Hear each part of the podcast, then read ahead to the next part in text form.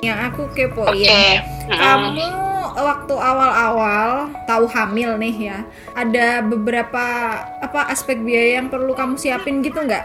Waktu kamu udah dapat kabar wah Iya. hamil nih gitu. Heeh, terus itu kalau misal skincare, skincare kan juga ganti kan, Oh Ci? iya benar, yang yang bisa Oh, untuk ibu hamil. Tapi kalau jangan sampai kita melupakan eh, kondisi yang tidak terduga. Iya. Misalkan kita udah udah ancang-ancang nih mau normal. Nah, tapi kan kita nggak tahu ternyata Kondisi. itu harus lahir sesar kan berarti kita tetap harus jaga-jaga mempersiapkan biaya lahiran sesar. Aku cuma eh, mengeluarkan uang tuh untuk kebutuhan-kebutuhan itulah, kebutuhan pas melahirkan. Untuk biaya eh, lahiran benar-benar aku nggak ngeluarin sama sekali. Untuk eh, anakku barang juga nggak cek BPJS makanya alhamdulillah ya aku nggak tahu sih kalau kalau nggak BPJS berapa mungkin sekitar 10 atau 13 Ya, kali ya kalau di Trenggalek segitu deh. Halo teman-teman, kembali lagi di episode 2 podcast bagi ruang. Nah, setelah sebelumnya kita ngobrol-ngobrol soal pengalaman menjadi ibu muda, ibu baru bareng Bella. Nah, hari ini ada yang ketinggalan nih. Pengen aku kepo-kepo juga nih sama Bella lagi, yaitu soal perencanaan keuangannya dari uh, ketika punya anak ini. Oke deh, kalau gitu biar langsung masuk ke obrolan nih. Udah aku sambut ada Bella di sini. Halo Bella. Halo kembali lagi sama aku Tidak bosan ya Bunda kita ngobrol-ngobrol ya. oh jelas tidak kalau sama cek kita Kita ngalor ngidul lah. sekalian kan eh, sekalian biar aku tambah wawasan soal finansial Nah, siap. karena siap. kan kalau aku orangnya mengikuti aliran al- air bener banget, bener banget. Bella tipe yang kayak gitu. Tapi kalau Mas Hudan gimana Bel? sama Waduh, berarti duo ini duo santai banget ya? Nggak ada yang strict Iya. atau gimana gitu? nggak ada soalnya kita tuh bukan yang kayak mikir, mikir ke depannya tapi kan Mm-mm. bukan yang secara detail banget itu loh Hmm, oke oke oke. untuk yang ke depan lah kalau di depan pikir depan nanti aja Oke deh kalau begitu. Langsung nih Bel, aku mau tanya nih yang aku kepoin. oke Mm. Kamu waktu awal-awal tahu hamil nih ya, ada beberapa apa aspek biaya yang perlu kamu siapin gitu nggak? Waktu kamu udah dapat kabar wah iya hamil nih gitu. Mungkin gini biar biar kita mudah buat eh, ngobrolinnya dikategoriin aja. Jadi kayak misal pre pre hamil, saat hamil sama pasca hamil gitu. Mm-mm. Ah, oh ya yang sebelum hamil Mm-mm. sebelum hamil yang saat ham kalau sebelum hamil kurang apa ya cek sebelum hamil nggak ada yang perlu disiapkan kalau sebelum hamil berarti kan persiapan ketika mau hamil itu toh Mm-mm, maksudnya mm-mm, mm-mm. Kan kamu program tuh ceritanya, Oh. teman-teman di sini kan em, eh, sekedar info kamu kan program kayak minum susu. program sendiri sih sebenarnya oh, oh, eh, iya maksudnya oh, iya. program sendiri kayak minum susu apa ibu oh hamil itu gitu-gitu. oke oke Ya. Tuh tentunya kamu ada ada persiapan biaya nggak di situnya waktu pre-nya itu? Hmm. Jadi kalau untuk pre itu untuk aku karena aku kosong lima bulan dari aku menikah, berarti kan aku ada lima bulan yang mana persiapan Mm-mm. untuk Program. pengen hamil kan.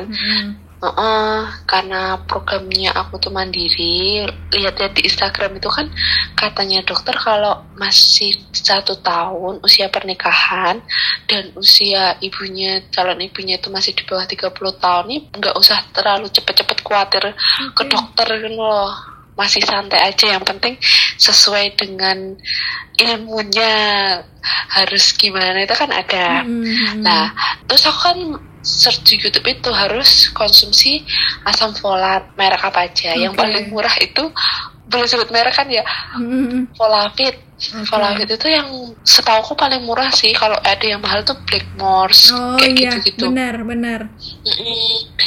Nah, paling murah itu uh, fo- mereknya Folavit. sama aja sih sebenarnya asam sama-sama asam folat Mm-mm. nah itu aku konsumsi hampir ya pokoknya aku konsumsi tapi nah, aku jarang kadang lupa. Mm. tapi setiap hari aku harus tak usahain kalau nggak lupa ya konsumsi itu as- asam folat.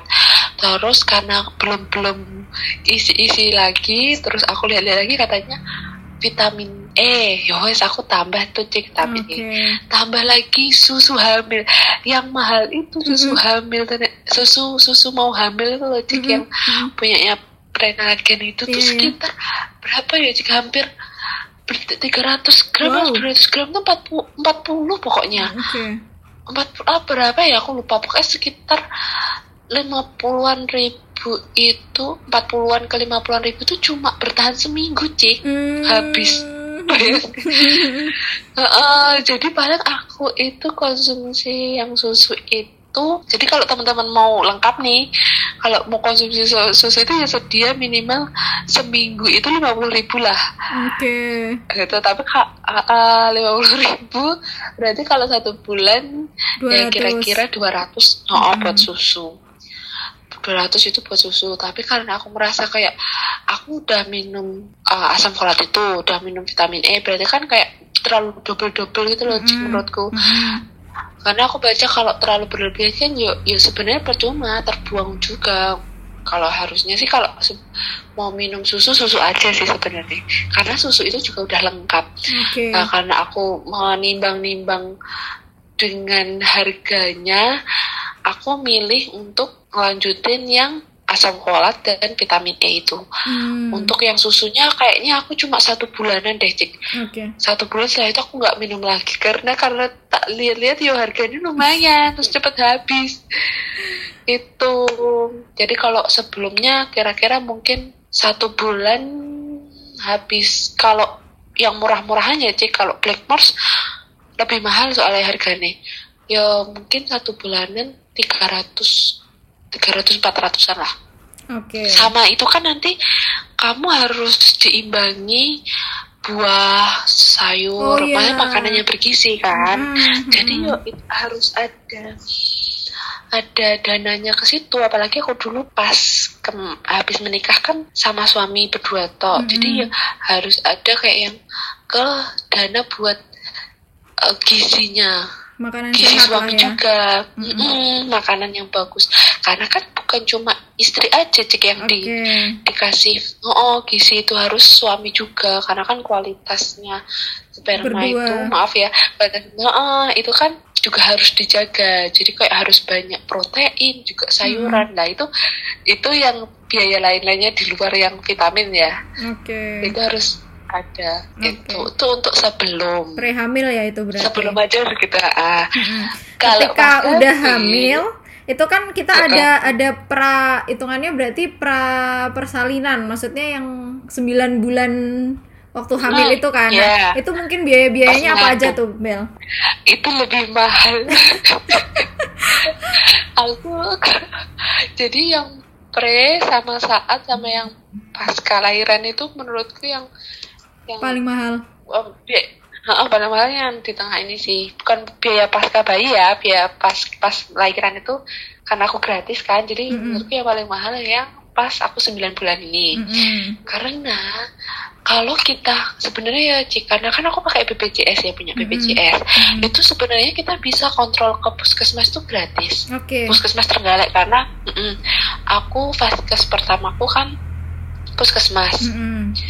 nah itu pas aku hamil aku kan pulang pulang lagi nih ke Trenggalek Mm-mm. nah itu berarti aku kontrol semuanya itu di Trenggalek Mm-mm. Nah, karena aku pakai BPJS, jadi aku memanfaatkan lah layanan ini buat ke puskesmas. Hmm. Sayangnya, di puskesmas itu untuk USG nggak bisa loh. Pokoknya USG itu cuma untuk hari Rabu atau Sabtu kalau nggak salah. Pokoknya aku lupa lah. Aku pernah datang hari Rabu terus pas mau USG pengen coba lah pengen Hmm. nyoba USG di puskesmas tuh kayak apa. Katanya dokternya nggak ada Oke. soalnya ditarik ke rumah sakit karena musim covid ya ini Mm-mm. Eh, semua ditarik ke iku rumah sakit covid ngono mm-mm. lah yaudah akhirnya kan eh, kurang serg gitu loh Cik karena kalau di puskesmas itu cuma kita eh, dengerin DJJ detak jantung janin Hmm. itu yang lumayannya itu jadi kita tahu DJJ-nya normal kan enggak selain itu enggak ada USG padahal kan penting kan USG itu Mm-mm, buat mm-mm. lihat kondisi perkembangan janinnya nah yang aku jadi aku memanfaatkan di puskesmas itu untuk biar lumayan lah ya untuk cek cek lab ada lab. Jadi untuk cek kayak HB Hmm. urin gitu-gitu. Itu gratis Kalau itu kita- di puskesmas Mm-mm, itu gratis. Oke. Kalau di puskesmas gratis. Kalau kita mau ke apa lab, lab pribadi, lab swasta gitu kan bayar kan. Mm-mm. Nah karena ya udahlah, aku nggak bisa untuk USG. Aku USG-nya kan jadinya ke dokter praktek sendiri klinik dokter, Ha-ha. dokter SPOG.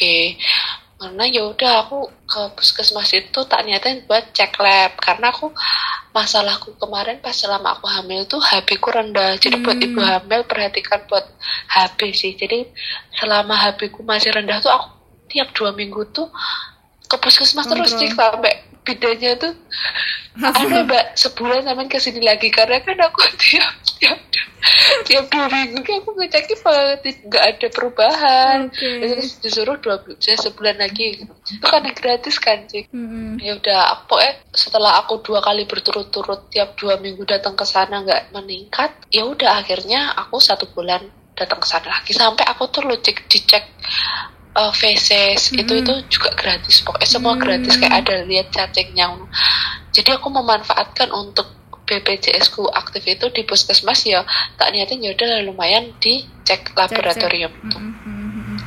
tapi untuk yang uh, cek ka- kandungan itu nggak maksimal sih menurutku kalau di puskesmas ya. Karena kan nggak ada USG itu Mm-mm, jadi mm-mm. kayak ya yang menangani Kurang kan lah. bidan kalau di puskesmas. Mm-mm, kurang. Hmm, jadi kalau untuk di puskesmas gratis ya kalau aku. Nah yang mahal ini di dokter SPOG Ah, klinik oke. Heeh, praktek pribadi itu tiap kita USG itu ya cek USG tanpa dikasih vitamin itu biayanya 120.000 setiap kali USG. Kamu itu tiap Itu ngeceknya Trenggalek. tiap apa? Tiap bulan. Nah, enggak aku akhirnya USG itu kalau nggak salah tiap dua bulan eh, pas awal itu pas awal itu aku tiap satu bulan Mm-mm. kan awal itu ngelihat oh ada kantong kehamilan Mm. terus bulan selanjutnya aku cek oh udah ada janin setelah itu aku dua bulan tak Oh. aku jarain dua bulan karena kata dokternya oh tidak ada masalah ya udah ke sini lagi misal dokternya kan yang ngasih tahu "Eh, bulan ini ya jadi aku nggak tiap bulan tapi Mm. ada beberapa orang yang pengen lihat terus kan Cik, Mm-mm, per mm-mm. bulan itu juga ada tapi kalau aku pilih ngikut sarannya dokter kalau nggak ada keluhan nggak ada ini eh, kontrol lagi bulan ini Mm-mm. misal gitu kalau tak hitung-hitung setelah aku awal yang dua bulan itu aku kontrol terus tiap bulan habis itu aku kontrolnya kalau nggak salah nggak tiap bulan dua bulan sekali kayak nah baru kontrol yang agak sering itu di mendekati persalinan itu Mm. kayaknya seminggu satu bulan itu aku kontrol tiga kali kalau nggak salah Oke. jadi eh, untuk ngecek karena kan oh udah mendekati. Jadi setiap minggu itu aku cek. Kayaknya seminggu itu aku eh sebulan itu aku tiga kali cek pas di usia kandungan 9 bulan. Jadi total total lah misalkan aku USG berarti sekitar 8 sampai 9 kalian Hmm. 8 8 kali lah ya. Mm-mm, mm-mm. ya itu berarti kan USG aja sekali kan 120 ribu 120. itu tanpa vitamin C Iya. tapi Mm-mm. aku pada di awal kehamilan itu aku ngeflag jadi dikasih vitamin Oh. dan itu harganya mahal banget obat penguat kandungan itu loh Oh iya, Deng. itu Benar, benar. pokoknya sama dikasih vitamin apa totalnya aku USG pertama kali itu 500.000 ribu kalau nggak salah Hmm. ya itu itu paling mahal. 500 ribu. Habis itu pokoknya kalau setelah aku vitaminnya habis terus aku dikasih vitamin lagi dari dokter kan banyak tuh Cik, dikasih Mm-mm. vitamin. Yang pertama asam folat kedua itu kalsium terus ketiga oh iya aku lupa kayaknya tambah darah juga. Kalau tambah darah kan wajib. Mm-mm. Terus eh, minyak ikan Oh, kayak gitu-gitu. pokoknya aku kalau ya, eh, dokternya ngasih itu aku juga ya wes tak terima. Jadi seratus kira-kira kalau aku dikasih vitamin itu habis sampai minimal ya 300 lah. Tapi beberapa kali aku pun juga tanpa vitamin karena vitaminnya masih kan. Hmm, hmm, hmm, hmm, ya bisa ya cuma gitu. bayar 120 ribu. USG-nya tuh doang. Mm-mm. jadi ya itu kalau mau setiap hari kalau aku sih saranku kalau beli beli vitaminnya di luar. Oh itu Tapi kan- harganya? Lebih murah sih kan eh Oh, kacek sitik lah Cik.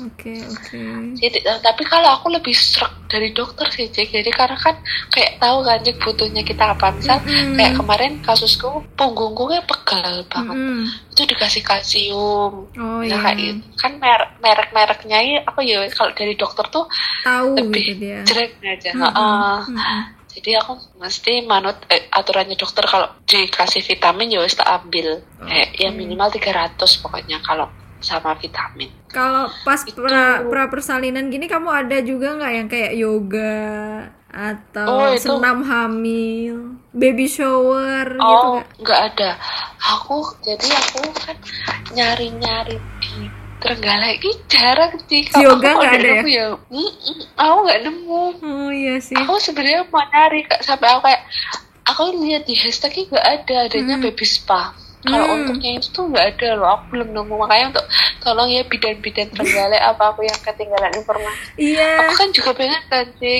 kayak ada kalau di Instagram itu doula doula itu loh Mm-mm, betul. pendamping Pendamping i- kehamilan itu. Iya Mm-mm. sih. Kita kurang di nggak situ. ada aku Mm-mm, mm-mm. Oh, jadi kalau selama hamil itu aku ngeluarin biaya lebihnya eh, biaya banyak itu yang untuk kons eh, ke dokter Ke dokter ya. spesialis itu sama palingan ada beli buat bantal hamil Oh, yang Yang itu gitu-gitu lah ya, perlengkapan lah. Gitu. Perlengkapan si Perlengkapan. ibunya.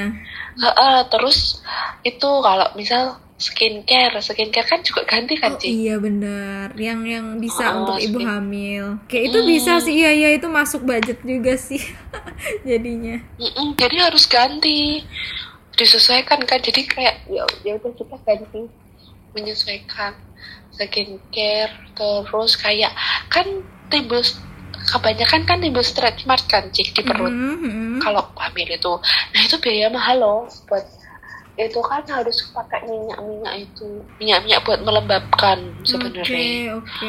tapi alhamdulillahnya aku kan tak aku pakai yang murah-murah aja sih pakai pakai minyak zaitun sama Hmm. baby oil kalau yang mahal kan ada mereknya apa kayak bio oil atau Oh apa sih bio oil itu, katanya iya iya iya. Iya Itu kan? ngefek sih. itu kan lebih oh, jadi mungkin skincare perawatan perawatan selama hamil itu juga masuk itu sih Oke. hitungan harus diperhitungkan sama gizi juga sih sama kayak ap- apalagi pas hamil Hmm. Oh sebelum hamil aja kita menjaga gizi berarti kan pas Yes. hamil lebih untuk makan makanan bergizi dan tambah aku minum kalau selama semasa hamil ini aku minum susu hamil sih kalau Hmm. pas sebelum hamil kan aku kayak mikir-mikir terus pas Iya. selama hamil ya udahlah aku nggak apa-apa tapi Ci, karena rezeki sih ini pas aku kan masuk terdaftar ke golongannya habis rendah lah pokoknya aku di Mm-mm. puskesmas jadi buat ibu hamil itu wajib ya walaupun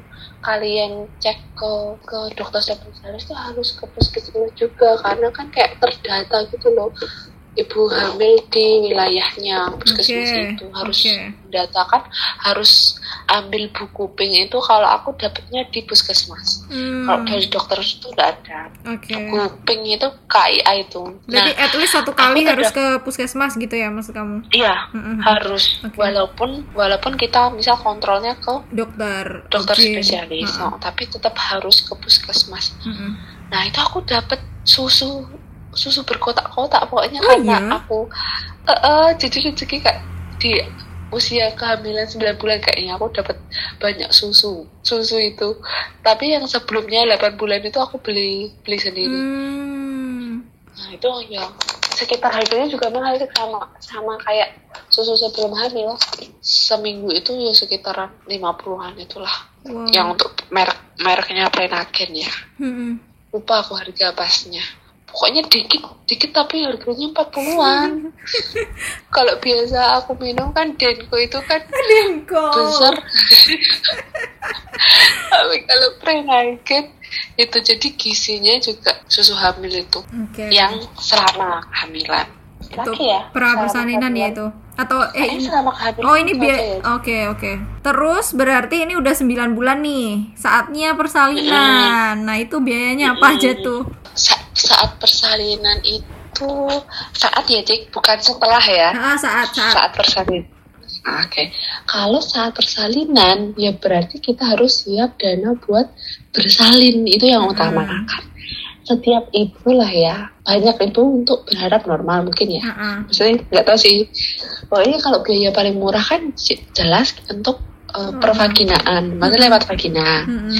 Tapi kalau jangan sampai kita melupakan uh, kondisi yang tidak terduga Iya. misalkan kita udah udah ancang-ancang nih mau normal mau lewat vagina jalur jalur vagina nah tapi kan kita nggak tahu berarti Kondisi. itu harus lahir sesar kan berarti kita tetap harus jaga-jaga mempersiapkan biaya lahiran Sesar. sesar.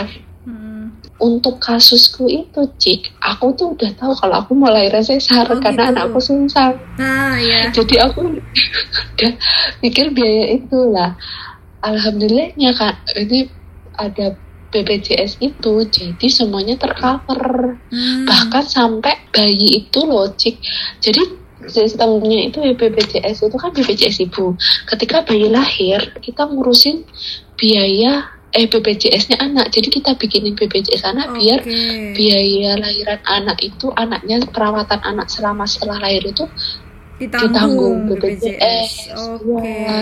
jadi aku bener-bener lahiran itu nol nggak nggak ngeluarin sama sekali kecuali ya kita ya belikan buat anu apa pembalut Hmm. Pembalut. Mm-mm, mm-mm. terus beli persiapan buat lahiran kan ada harus bawa bak.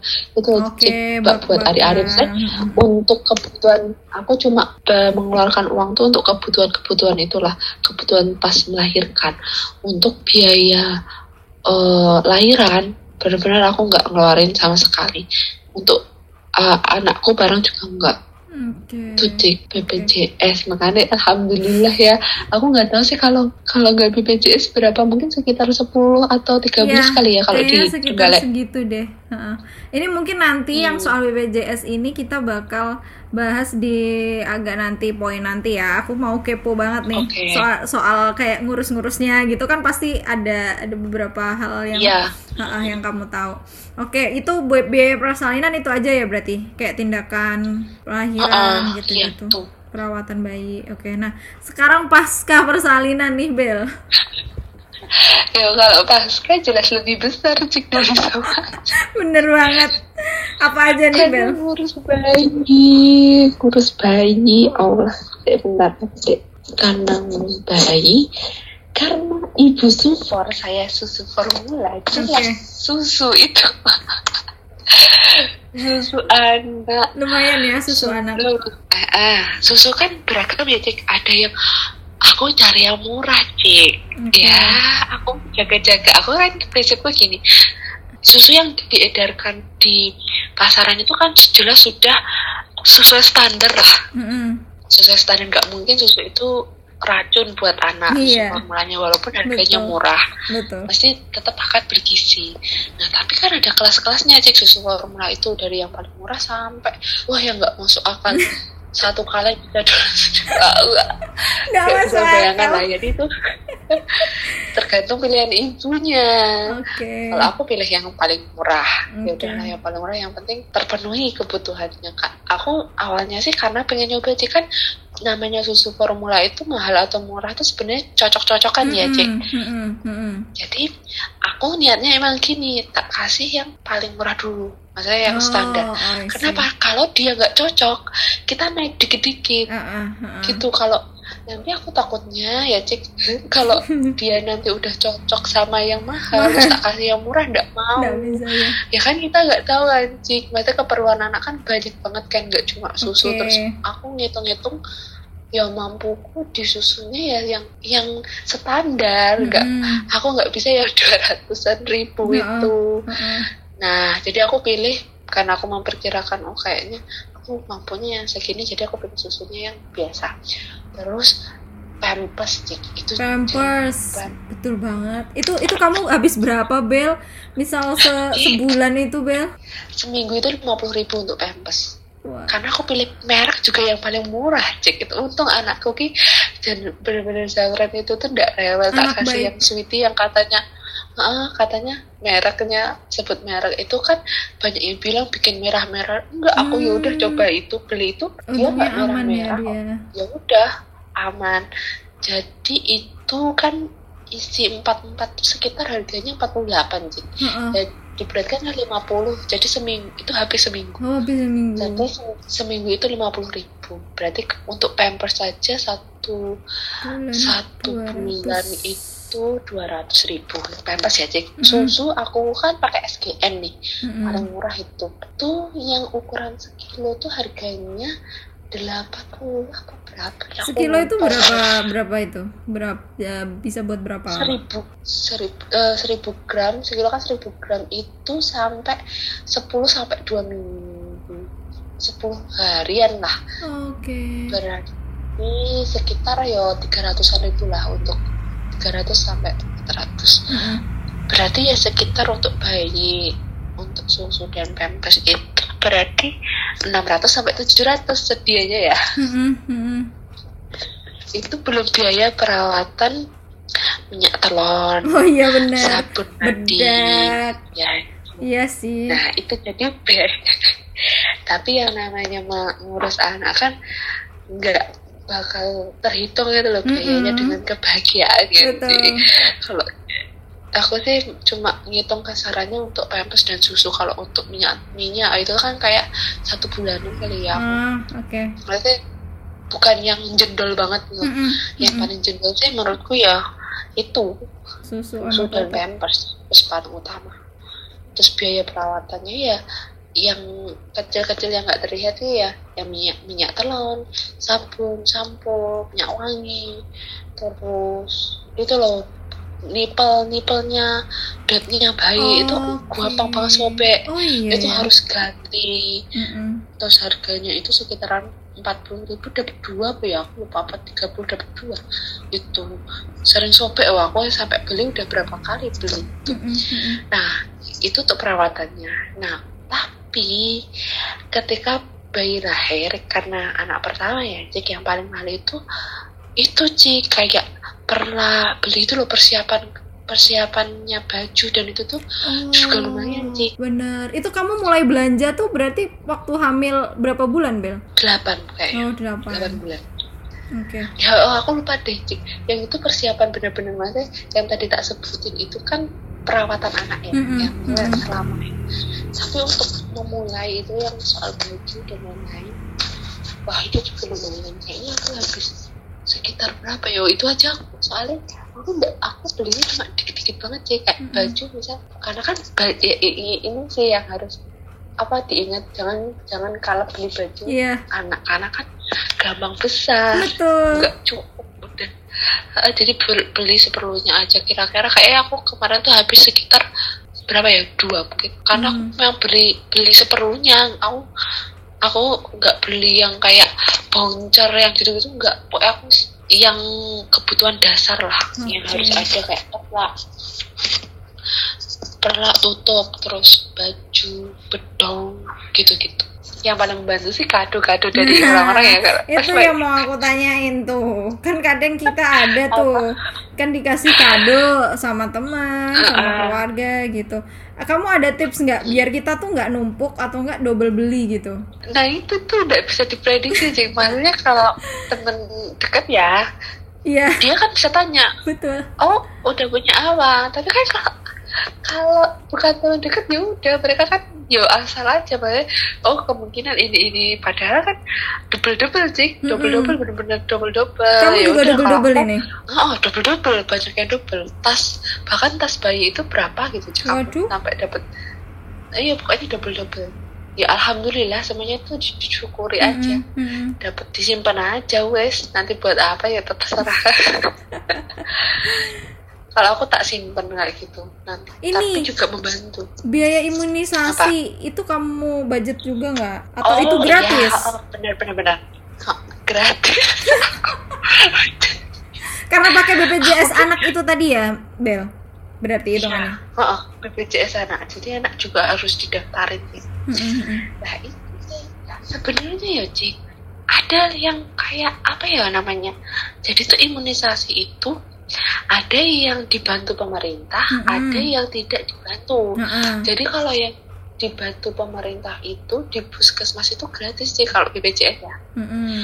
tapi kalau misal kayak apa ya rotavirus kayak gitu kan pemerintah nggak nggak Nggak- mensubsidi mensubsidi, jadi kayak harus ke dokter spesialis nah itu yang mahal cik nah aku sih belum sampai sejauh ini belum punya bayangan ya untuk ngasih yang selain wajib jadi aku masih ini fokusku ke wajib dulu Hmm. maksudnya menghabiskan yang wajib program pemerintah nanti untuk yang entah Tambahan. kapan ya kalau mungkin aku tiba-tiba pengen Mm-mm. ngasih anakku tambahan imunisasi berarti itu yang bayar Mm-mm. Mm-mm. kalau yang wajibnya dari pemerintah yang subsidi itu aku usahain ya udah aku tetap ikutin itu tapi yang selain itu kan masih banyak kayaknya yang apa kayak rotavirus terus apa aku belum pelajari lebih banyak tapi yang jelas itu mahal. Berapa sih Bel? Kamu tahu nggak harganya kalau yang di luar itu? Hitungannya sampai kayaknya lu cik sampai 800 sampai 600 sampai sekitar segitu cik. Oke.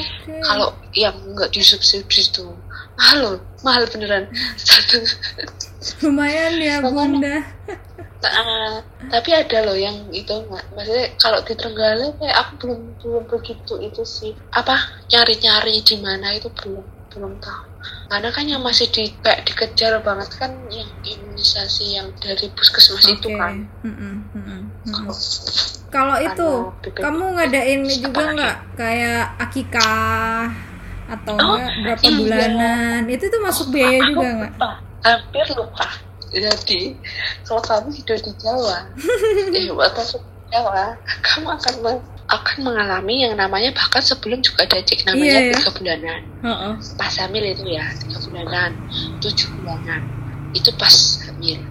Pas anaknya lahir itu banyak banget cik bahkan sampai satu tahun setengah apa dua tahun ya aku lupa. Jadi ada akikahan ya cik. Wow. ada akikahan tuh nanti apa namanya 40 hari itu pagut.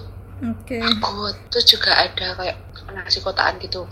Terus tiga bulanan cik. Tiga bulanan. Tujuh bulanan. Satu tahunan terus sama apa? Aku lupa.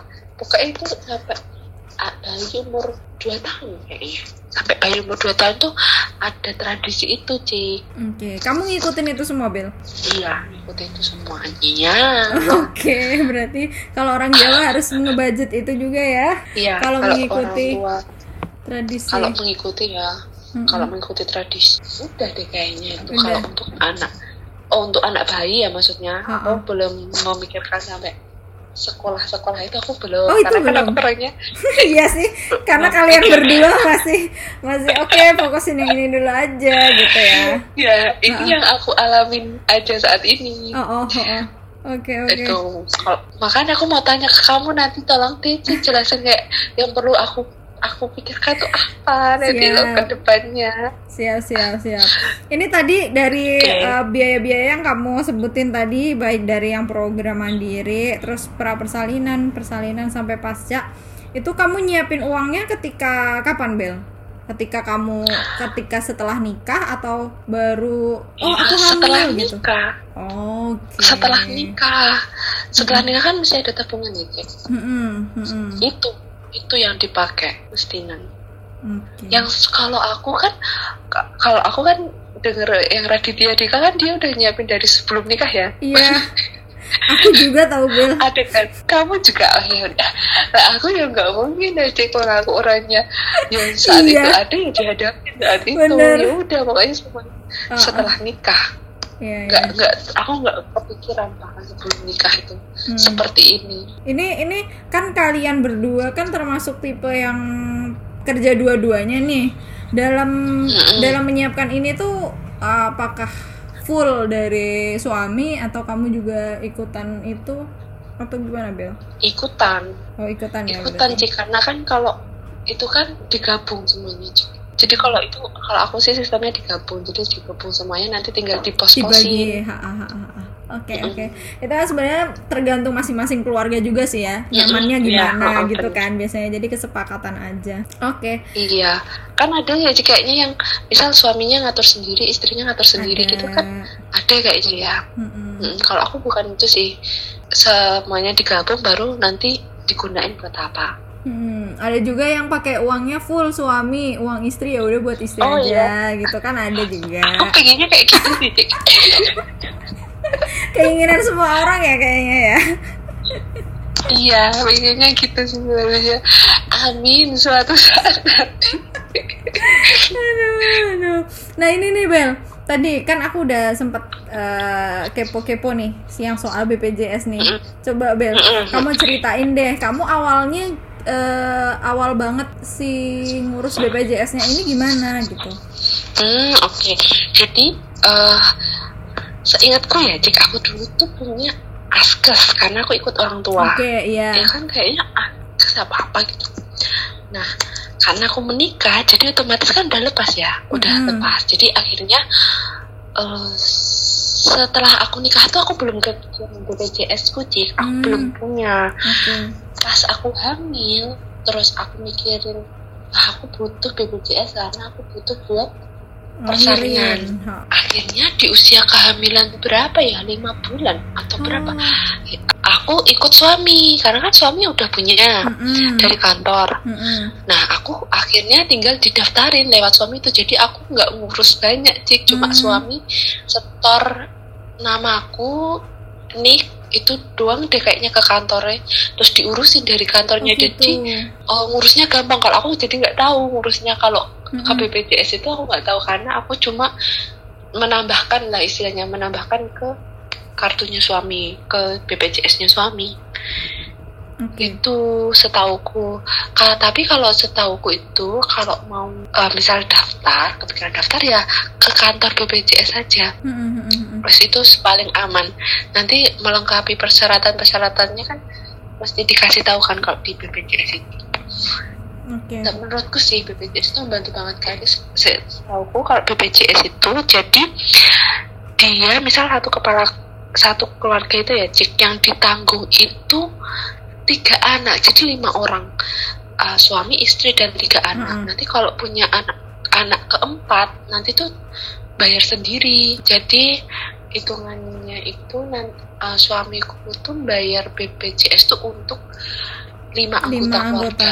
Mm-mm, hitungannya gitu nah karena kalau dari kantor itu dapat apa ya cik kayak, kayak bantuan gitu loh pokoknya Iya, dibayar jadi suami kantor. jadi bayarnya kan nggak full kan cik Ha-ha, ha-ha. aku kan aku kan kelas satu Mm-mm. ya jadi kan BPJS itu ada kelas-kelasan Mm-mm. tapi aku salut banget sih BPJS itu walaupun kelas-kelasan eh, apa penanganan obatnya itu sama, Sama. benar-benar nggak ada bedanya Mm.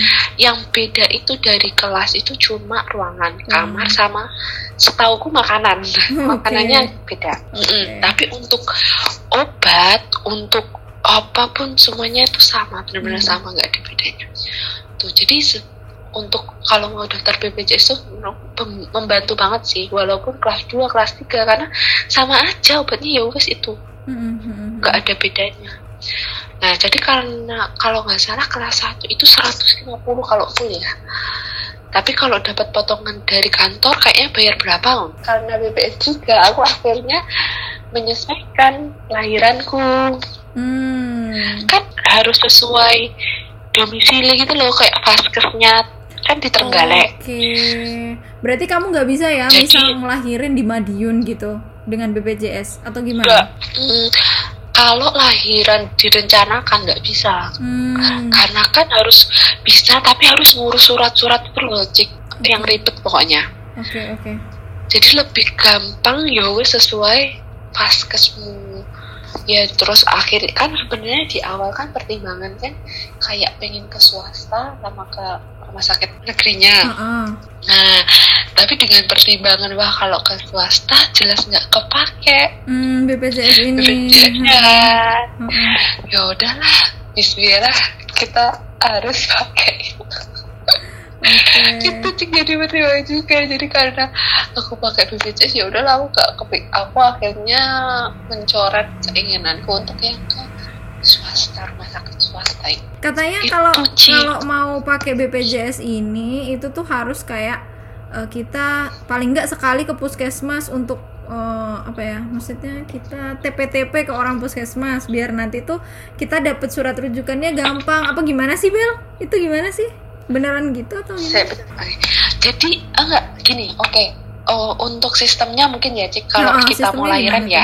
Heeh. biar biar BPJS-nya aktif ya. Heeh, heeh. Jadi biar BPJS-nya aktif itu ha- kita harus punya rujukan, surat rujukan. Oke. Jadi BPJS itu akan aktif sendiri jika keadaan darurat, Cik.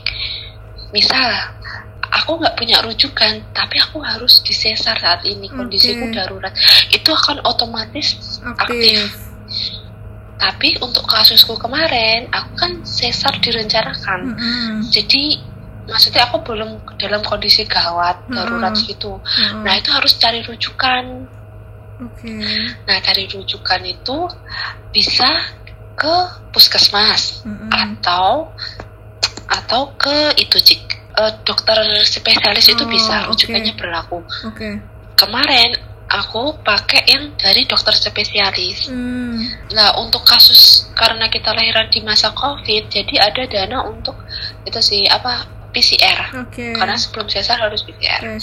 Nah, kalau kita PCR di rumah sakit sendiri itu bayar pribadi cik. Tapi kemarin aku koordinasi sama bidan desa, akhirnya aku ya gratis nggak bayar.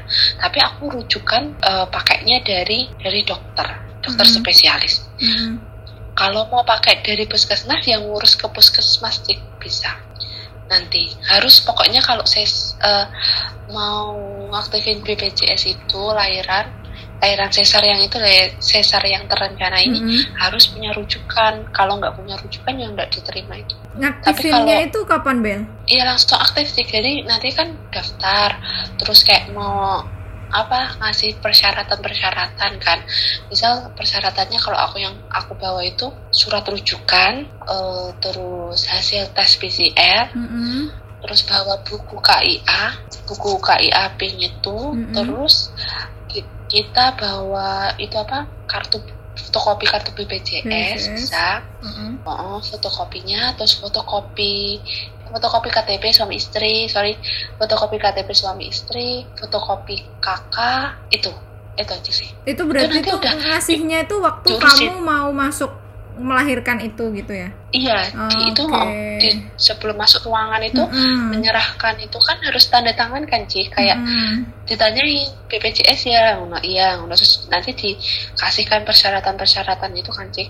Terus nanti kan kita tanda tangan kayak persetujuan gitu loh. Oke. Tuh. Oke, Itu siap, udah paham, aktif paham. sendiri. Pokoknya jangan lupa urus surat rujukan. Hmm, hmm, berarti yang Oh, pentingnya si rujukan ini ya. Yang berarti yang kabar aku dapat soal kita harus paling nggak ke puskesmas satu kali itu biar gampang dapat surat rujukan ini gitu maksudnya.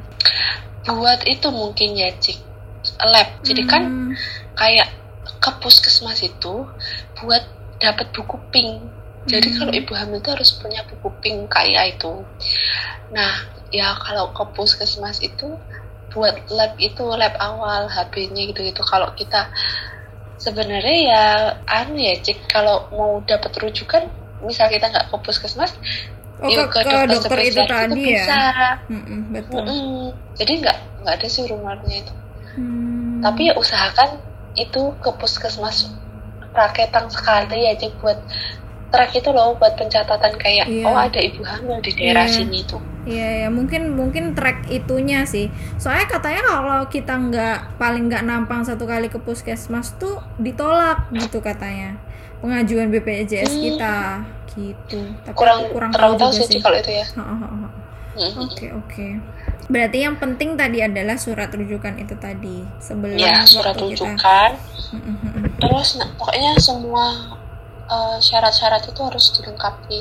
Kayak ya harus aktif ya BPJS maksudnya bayarnya harus rutin. Iya. jangan sampai tiba-tiba nunggak nggak nggak bisa dipakai. Itu. Terus ya pokoknya fotokopi fotokopi kayak kakak. Lah enaknya cek fotokopi kakak fotokopi KTP itu nanti tuh jadi Zafran tuh udah diurusin aktenya sekalian di rumah sakit Oh gitu. Ah, Itu udah sepaket berarti. Kalau aku kemarin gitu, jadi Zafran itu udah langsung dibuatin BPJS. Eh, kalau BPJS kita daftarnya ke kantor BPJS ya, terus pokoknya Heeh. ka- eh, aktenya anak itu bisa dari rumah sakit gitu. Leb- lebih enak sih. Jadi kayak pulang-pulang sih mas nggak kepikiran. Udah beres lah ya. Mm-mm. Oke. Itu tapi berarti kalau misal kita pakai BPJS nih, Bel, rumah sakit kita tuh nggak bisa milih gitu ya berarti. Harus sesuai yang Bisa. itu. Oh, bisa. Oh. Gimana?